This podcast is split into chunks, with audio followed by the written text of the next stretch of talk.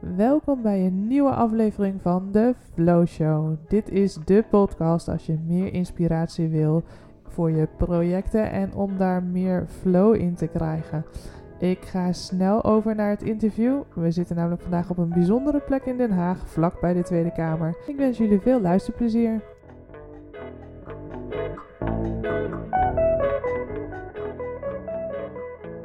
Nou, Mustafa, leuk dat ik hier mag zijn. Ik ben in uh, Den Haag. Uh, wil je jezelf eens voorstellen? Wie ben je en wat doe je? Mijn naam is uh, Mustafa Kedilioglu. Ik ben projectprogrammamanager bij Interim Rijk. En dat doe ik sinds drie jaar. En daarvoor heb ik bij ook een overheidsorganisatie gewerkt, UWV. Ook de rol van projectleider en projectmanager. In het verre verleden heb ik andere dingen rond op, op, het gebied van IT gedaan, zoals systeembeheer, netwerkbeheer en ontwerper. Ja, want is dat ook je specialiteit? Is het speciaal IT-projecten wat je doet? Nou, ik, ik hou er uh, meer van om nu op het snijvlak van IT en business te zitten. Dus het is meer informatievoorziening gericht dan alleen maar sec harde IT. Mm -hmm. En wat, uh, wat, is, wat is een van de projecten die je bijvoorbeeld aan het doen bent? Nou, ik heb, momenteel heb ik, uh, ben ik bij de Tweede Kamer werkzaam. En heb ik daar een project, een pilotproject rondom datavisualisatie.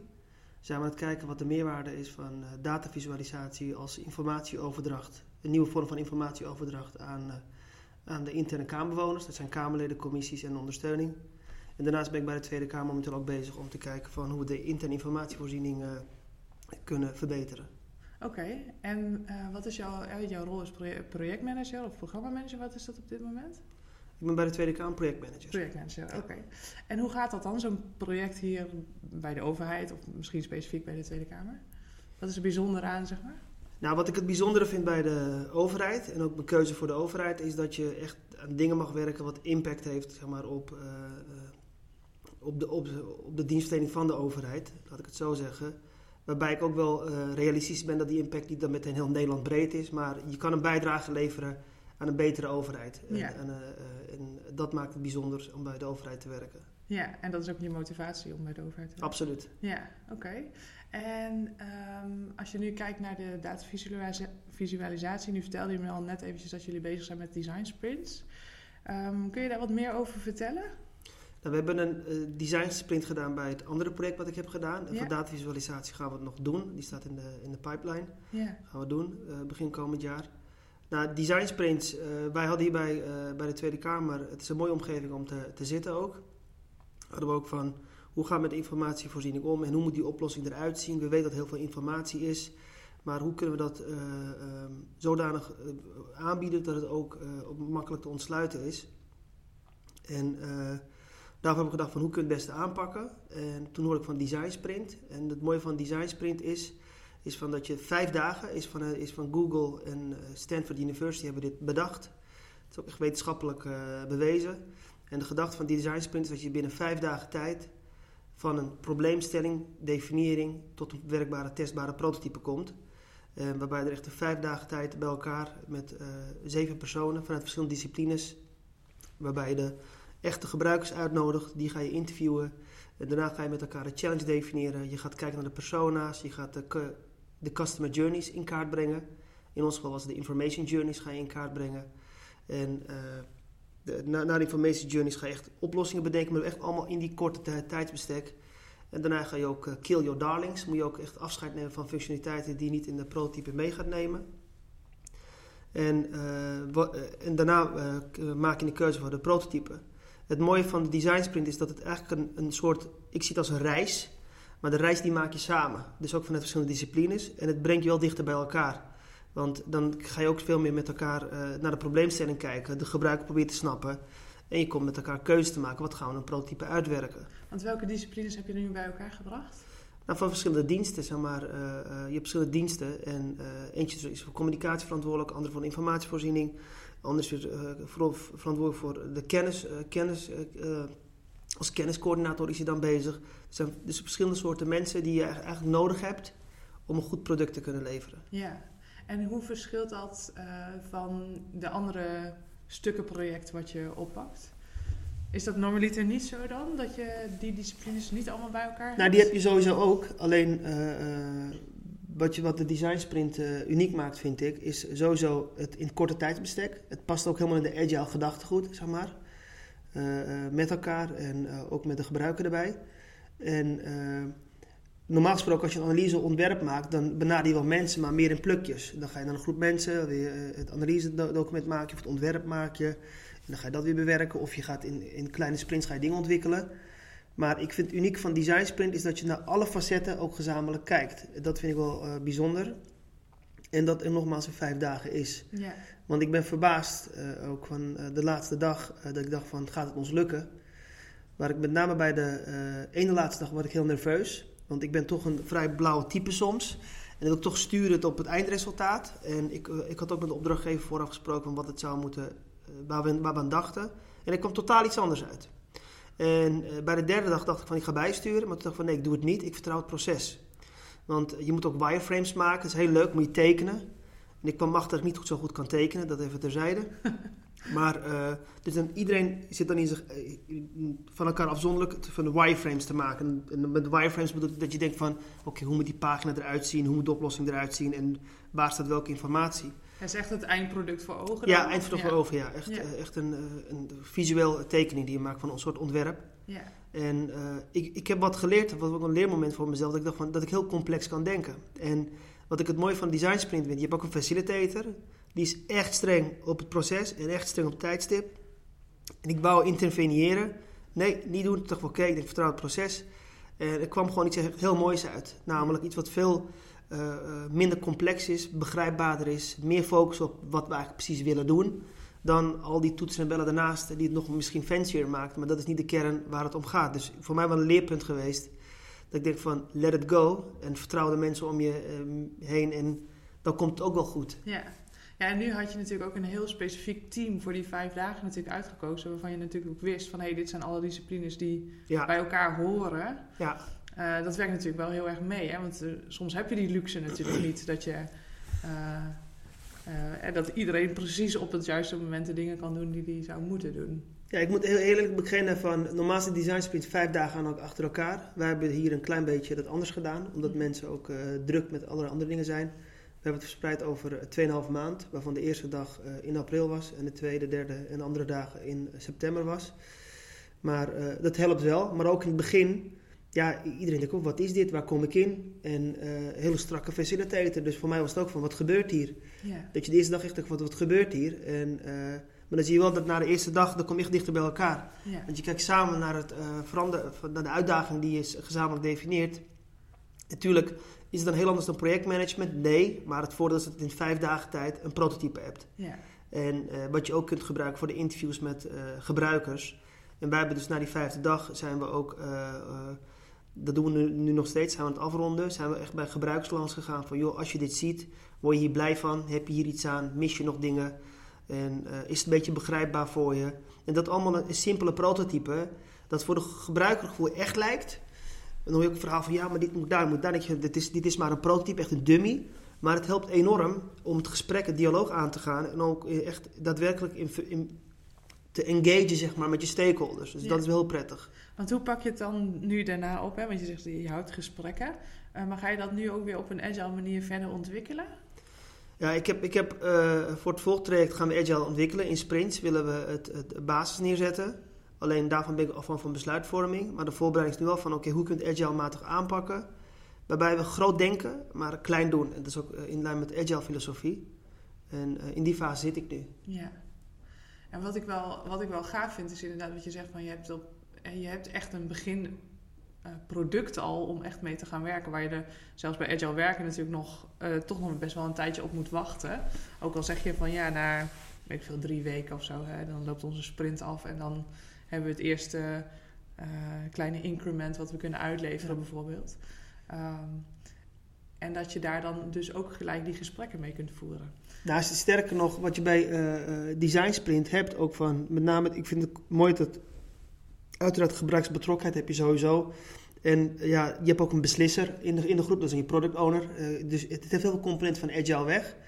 Maar je kan nog steeds binnen Agile kun je eigenlijk eh, van de gebruikers afzonderlijk werken. Namelijk, we gaan eerst een ontwerp maken.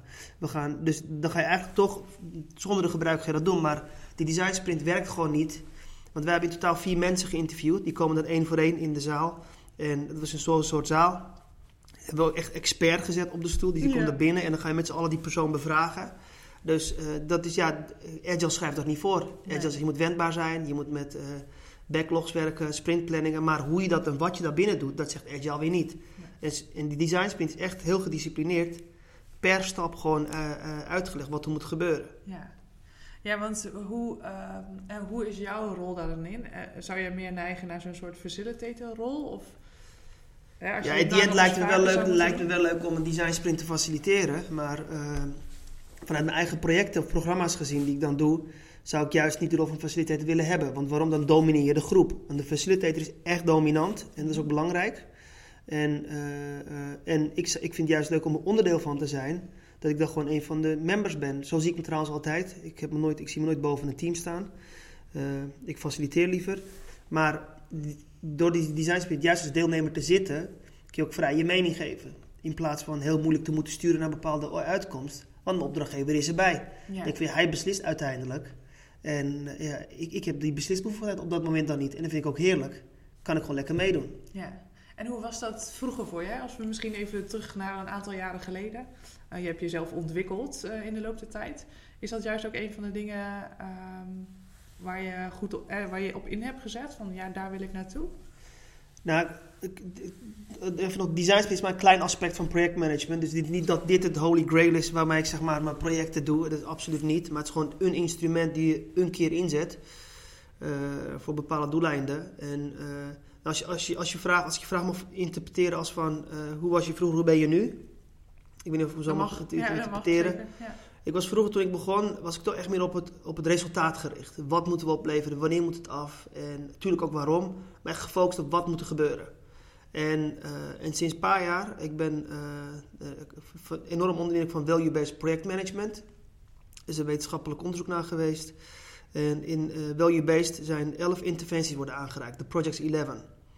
Toen ik het las, dacht ik van ja, dit is weer zoiets, eh probeert op zo'n markt binnen te komen. Maar toen ik het ging toepassen, zag ik het effect op mij. En ik heb veel meer als ik met de opdrachtgever eh, eh, het gesprek aanga. En, waarbij ik natuurlijk nog het resultaat kijk en de deadlines probeer te halen. Maar mijn gesprek gaat niet meer van wat moet ik doen. Nee, waar wil je heen? Wat is je droom? En waar kan ik je mee helpen? En als dat jouw droom is, is het iemand anders nachtmerrie. En wat, wat is er anders als we klaar zijn? Kun je me dat omschrijven? En, want we zijn heel vaak gewend, tenminste merk ik in mijn omgeving, van wat is uw strategie en wat zijn de doelstellingen. Maar dat is toch vrij abstract en moeilijk om eh, soms uit te leggen. Maar als ik iemand vraag van, los van alles, vertel me jouw beeld van hoe dat eruit ziet over een paar jaar tijd. Kun je me meenemen in, in die wereld? En, dus ik probeer dan ook een soort, soort ja, droom te laten waar we heen willen gaan. En dan, als ik die droom heb, zeg maar, dat is mijn eerste stap met mijn opdrachtgever van waar wilt hij eigenlijk heen? En waarbij ik ook zeg, laat de oplossingen, benoem de oplossingen niet, want dat is niet relevant. En ook probeer ik ook van mezelf dat terug te brengen naar één emotie. Want zijn we dan blij? Zijn we gelukkig? Zijn we vrolijk? Zijn we boos? Zijn we verdrietig? En wie is dan wel boos? Wie is niet? Dus per stakeholder probeer ik voor mezelf in kaart te brengen van verschillende doelgroepen. Hoe zitten ze, da- hoe zitten ze dan in het spel? Natuurlijk weet ik mijn opdrachtgever blij, want hij wil het. Of, eh, eh, dus dat naar een woord terug te brengen, dat helpt mij ook enorm van wat nou het hogere doel is. En, eh, en als ik het hogere doel heb, heb ik ook tegen mijn opdrachtgever gezegd: laat mij dit dan even ook binnen die organisatie kijken, hoe mensen tegen jouw droom aankijken. Misschien is iemand als nachtmerrie eh, jouw droom, en eh, los van de nachtmerrie. Dan ga ik gesprek aan om te toetsen van oké, zijn idee, hoe staat die relatie met de doelstelling van anderen? En dat is niet een heel eh, uitvoerig onderzoek of uitvoerig interviews, maar dan praat ik met een architect, met een business consultant of een business analyst of een communicatiespecialist of een beleidsmedewerker. Om gewoon een beeld op te halen. Waarna ik het allemaal bij elkaar eh, raap. In korte tijd zeg mijn opdrachtgever. Nou, jouw beeld heb ik getoetst. Ik heb dit gezien. En eh, dit is ook wat anderen vinden. En, eh, en dan kan ik hem adviseren hoe het project moeten insteken. Dus eigenlijk heel kort samengevat. Ik ga niet zomaar dingen doen. Ik ga niet vertellen wat de oplossing... Ik ga niet vragen wat de oplossing moet zijn. Want dat bepalen we wel met het team. Ik vertel alleen van waar hij heen wilt. En waarom hij het wilt. En... eh, uh, waarbij ik ook mezelf kan overtuigen dat ik het ook dan zo vind. En, uh, en daarna ga ik met mijn team kijken wat de oplossing moet zijn. Ja, en als je, want je had het over elf principes, als ik het zo moet noemen, de value-based principes. Ja. Kun je nog meer vertellen over een paar van die principes die je toepast? Ja, het heet de Projects 11, van, uh, zo wordt in het boek genoemd. En het, het, principe is zeg maar hoger doel centraal. Dat is het allerbelangrijkste, want je doet van hoger doel. Maar ook een gezamenlijk hoger doel. En wat ik ook mooi vind is van uh, transformationeel leiderschap. Wat we heel vaak, het heel traditioneel projectmanagement is, we maken een planning, we maken een uh, begroting en we maken een, een, deadline en die gaan we gewoon halen. Waarbij je eigenlijk, uh, je, ja, je, je beweegruimte wordt weinig. Waarom? omdat je dan ook, ja, je zit vast aan heel veel dingen. Omdat je de oplossing moet realiseren. En, en, als je het hoge doel centraal stelt en je, natuurlijk heb je deadline, natuurlijk heb je budget, beetje agile ook achtig. Maar je hebt beperkt budget, je hebt beperkte tijd en daarbinnen ga je werken aan uh, om meerwaarde te leveren voor je, uh, voor je klant of voor de gebruikers. Dus, uh, dus transformationeel leiderschap is voor mij dan ook dat je dan ook echt continu naar de omgeving kijkt. En kijkt van oké, zijn er dingen die ik mee moet nemen in mijn project? Of zijn dingen niet? Ik zal wel een paar voorbeelden geven. En waarbij je continu naar het hogere doel kijkt om dat te kunnen halen. Maar transformationeel leiderschap is ook voor mij van dat je ook probeert mensen te binden op het gedachtegoed. Dus niet mensen, je bent ontwerper, dus ontwerp dit maar. Nee, wij gaan deze kant op. Wij gaan een reis met elkaar aan. En wil je met ons mee op reis? Het is, ik vergelijk het ook meestal met, uh, volgens mij is de Franse schrijver van een paar honderd jaar terug. Verlang mensen naar de zee en niet om, uh, naar de zee en niet alleen maar om schip te bouwen. Als ze verlangen, dan kunnen ze gemotiveerd doen. Maar belangrijker vind ik, dan vinden ze het leuk om te doen. En het is ook heel belangrijk hoe je tot een eindresultaat komt. Nou, transformationeel leiderschap dus, hoge doel heb ik genoemd. Dan werk vanuit de projectvisie. En dat is ook eigenlijk uh, ook bij andere uh, methodes die er zijn. En uh, wat ik ook heel mooi vind, en dat heb ik ook een paar keer gedaan, gedeelde waarde. En, en eigenlijk voor projectmanagement is gedeelde waarde best wel soft. Gedeelde waarde, wat is dat dan? Je hebt toch een deadline, je hebt toch een opdracht, je gaat het toch doen.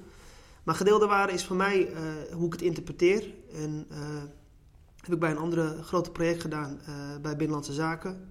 En ik kwam daar binnen en ik, uh, en ik had heel veel ketenpartners die met elkaar moesten samenwerken om, uh, om het acceptatieproces uh, goed op orde te brengen.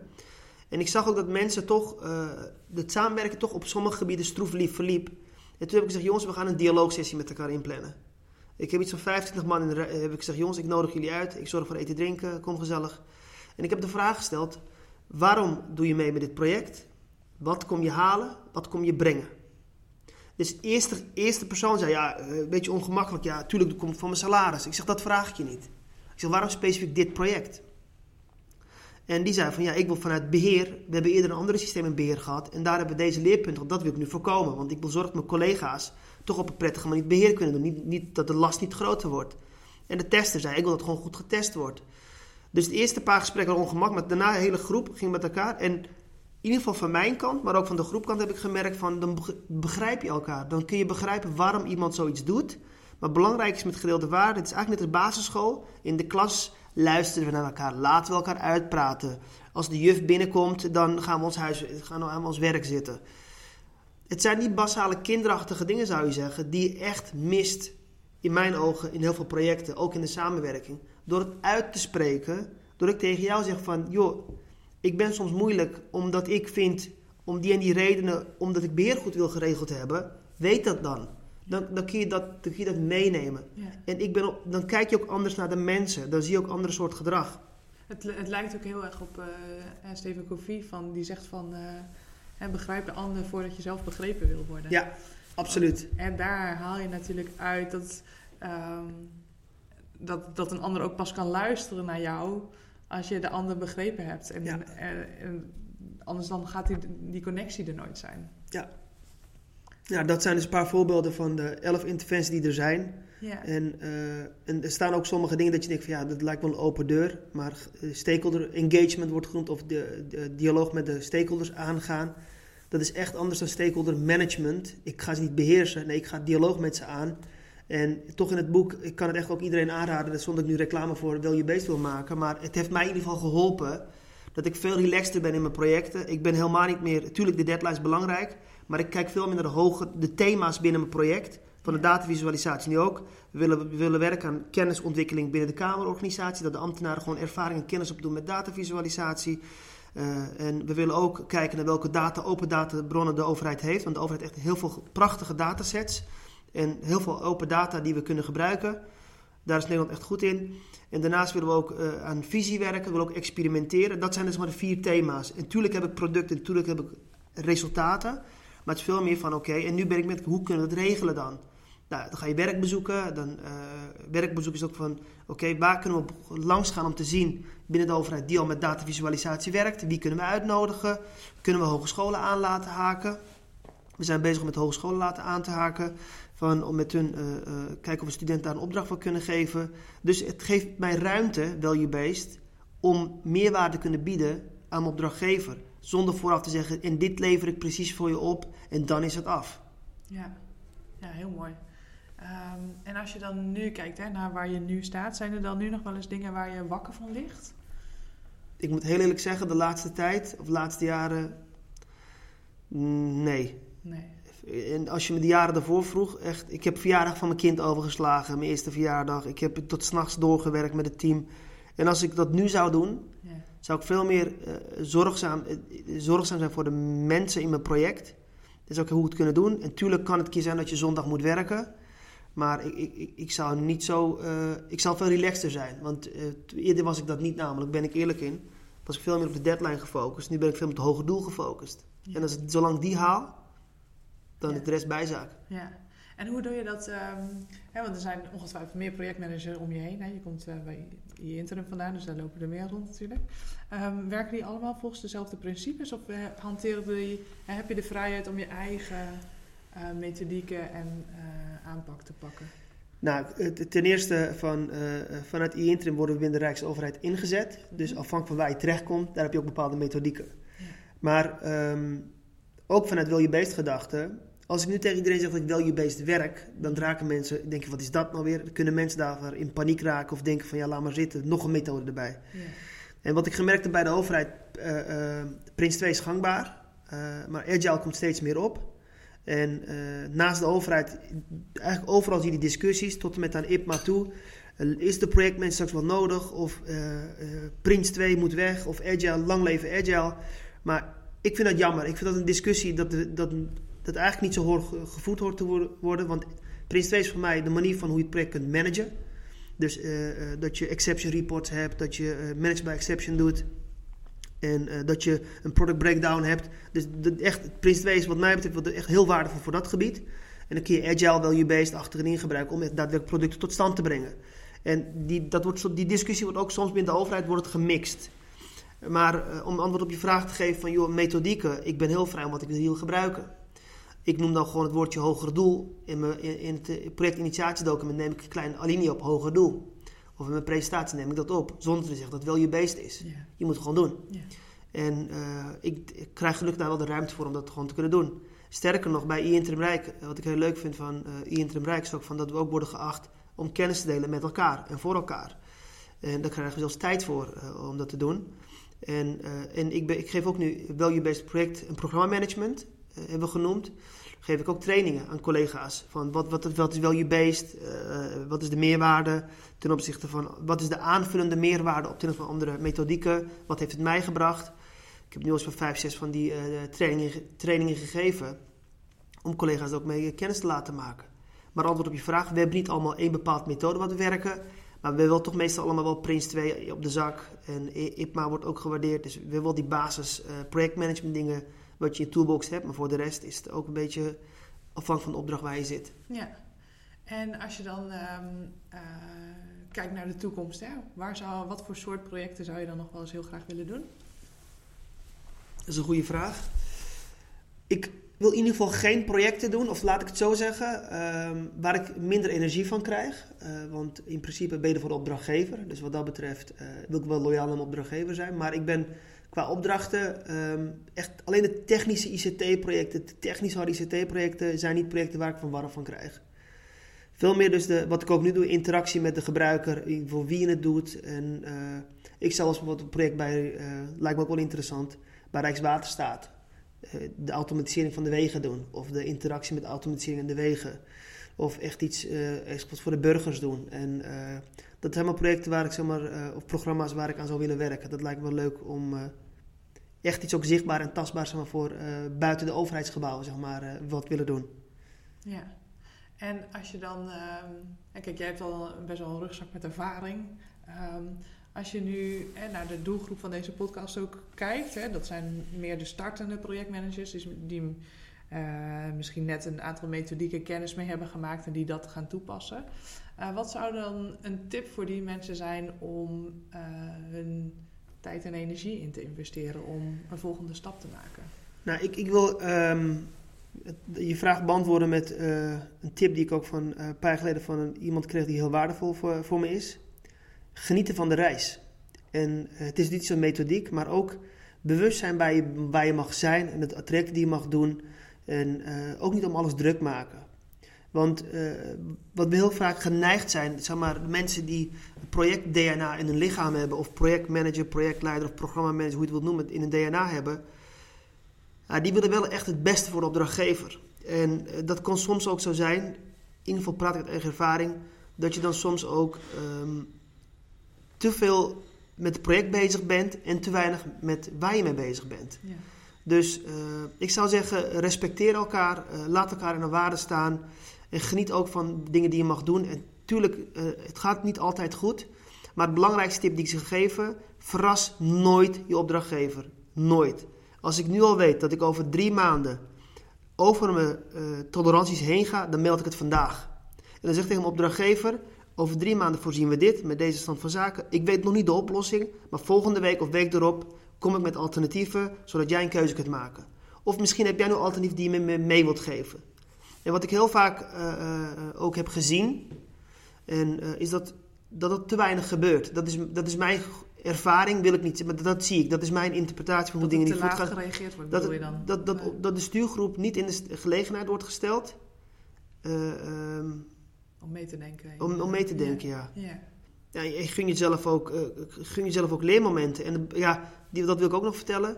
Wees niet alleen maar een procesbegeleider of een procesaanstuurder. Maar probeer je echt te verdiepen in de opdrachtgever, in de omgeving, waar je het voor doet, waarom je het doet. Maar ook waarom je dit project wilt doen en overtuig jezelf. Want als je zelf al niet energie van het project krijgt, dan zullen je eindgebruikers never nooit dat krijgen. Nee. nee. Dat is mijn filosofie tenminste. Ja. Nou, ik vind hem heel waardevol, want ik denk dat het uh, ja, als je je niet wil verdiepen in de ander, uh, dat je dan überhaupt geen project kan doen. Omdat je dan niet die, zijn beweegredenen snapt, niet snapt waar die vandaan komt. En daarvoor zul je altijd een slag dieper moeten dan alleen maar, hé, hey, we gaan uh, dit inderdaad, hè, als je het hebt over een doel of een resultaat halen. dat, dat is gewoon te weinig om echt resultaten, om een blije klant te krijgen. Absoluut, want ik heb ook, ook bij Marktpartij heb ik het ook gezien je hebt projectmanagers die dan een adviseur hebben. Ja, adviseur schrijft PIT, adviseur schrijft advies, adviseur bepaalt dat de agenda moet komen van de stuurgroep, adviseur. Maar dan ben je alleen maar doorgeefluik. Ja, het klinkt heel, uh, misschien heel lullig, maar dan ben je een doorgeefluik. En daar passeer ik voor. Want ik, ik wil met mijn opdrachtgever, en natuurlijk heb ik die adviseur nodig, maar het is een gezamenlijke reis. De keer wil zeggen van, ik, ga, ik zie het zo, je gaat zeg maar ergens op vakantie... Dus ik zei, weet je ik blijf wel in de auto. Gaan jullie maar even wat doen. Kom maar terug, dan gaan we doorreizen. Gaan we het volgende station. Dat kun je doen. En misschien vind je dat leuk, want dan kun je op je telefoon naar je berichten kijken of, uh, of uh, je werken. Maar ik denk vooral van, ik ben ook op reis, laat ik meegenieten. En ik hoef niet altijd de reisgids te zijn, maar ik wil er wel voor ze zijn als ze water nodig hebben of als ze voedsel nodig hebben, dat ik ze kan faciliteren. Dus ik, ik ga liever met ze mee en ik ga liever mee kijken, mee denken, waarbij ik wel weet van het is hun organisatie. Ik doe het voor jullie. Dus de eindbeslissing ligt bij de gebruikers, ligt bij mijn opdrachtgever. En ik probeer wel daarmee bewust van mee om te gaan, waar ik ook echt daar respect voor wil hebben. Ook steeds denk van ik moet er respect tonen. Ik zou het anders gedaan hebben. Ik ben het hier misschien niet mee eens. Maar ik geloof wel in het eindresultaat en dat laat ik met rust. En natuurlijk lukt het me nog steeds niet altijd. Ik wil doordrammen soms, maar uh, vanuit mijn gewoon DNA. Maar ik denk wel veel meer van Mustafa, relaxed. Je hebt je best gedaan. Dit is wat jij denkt.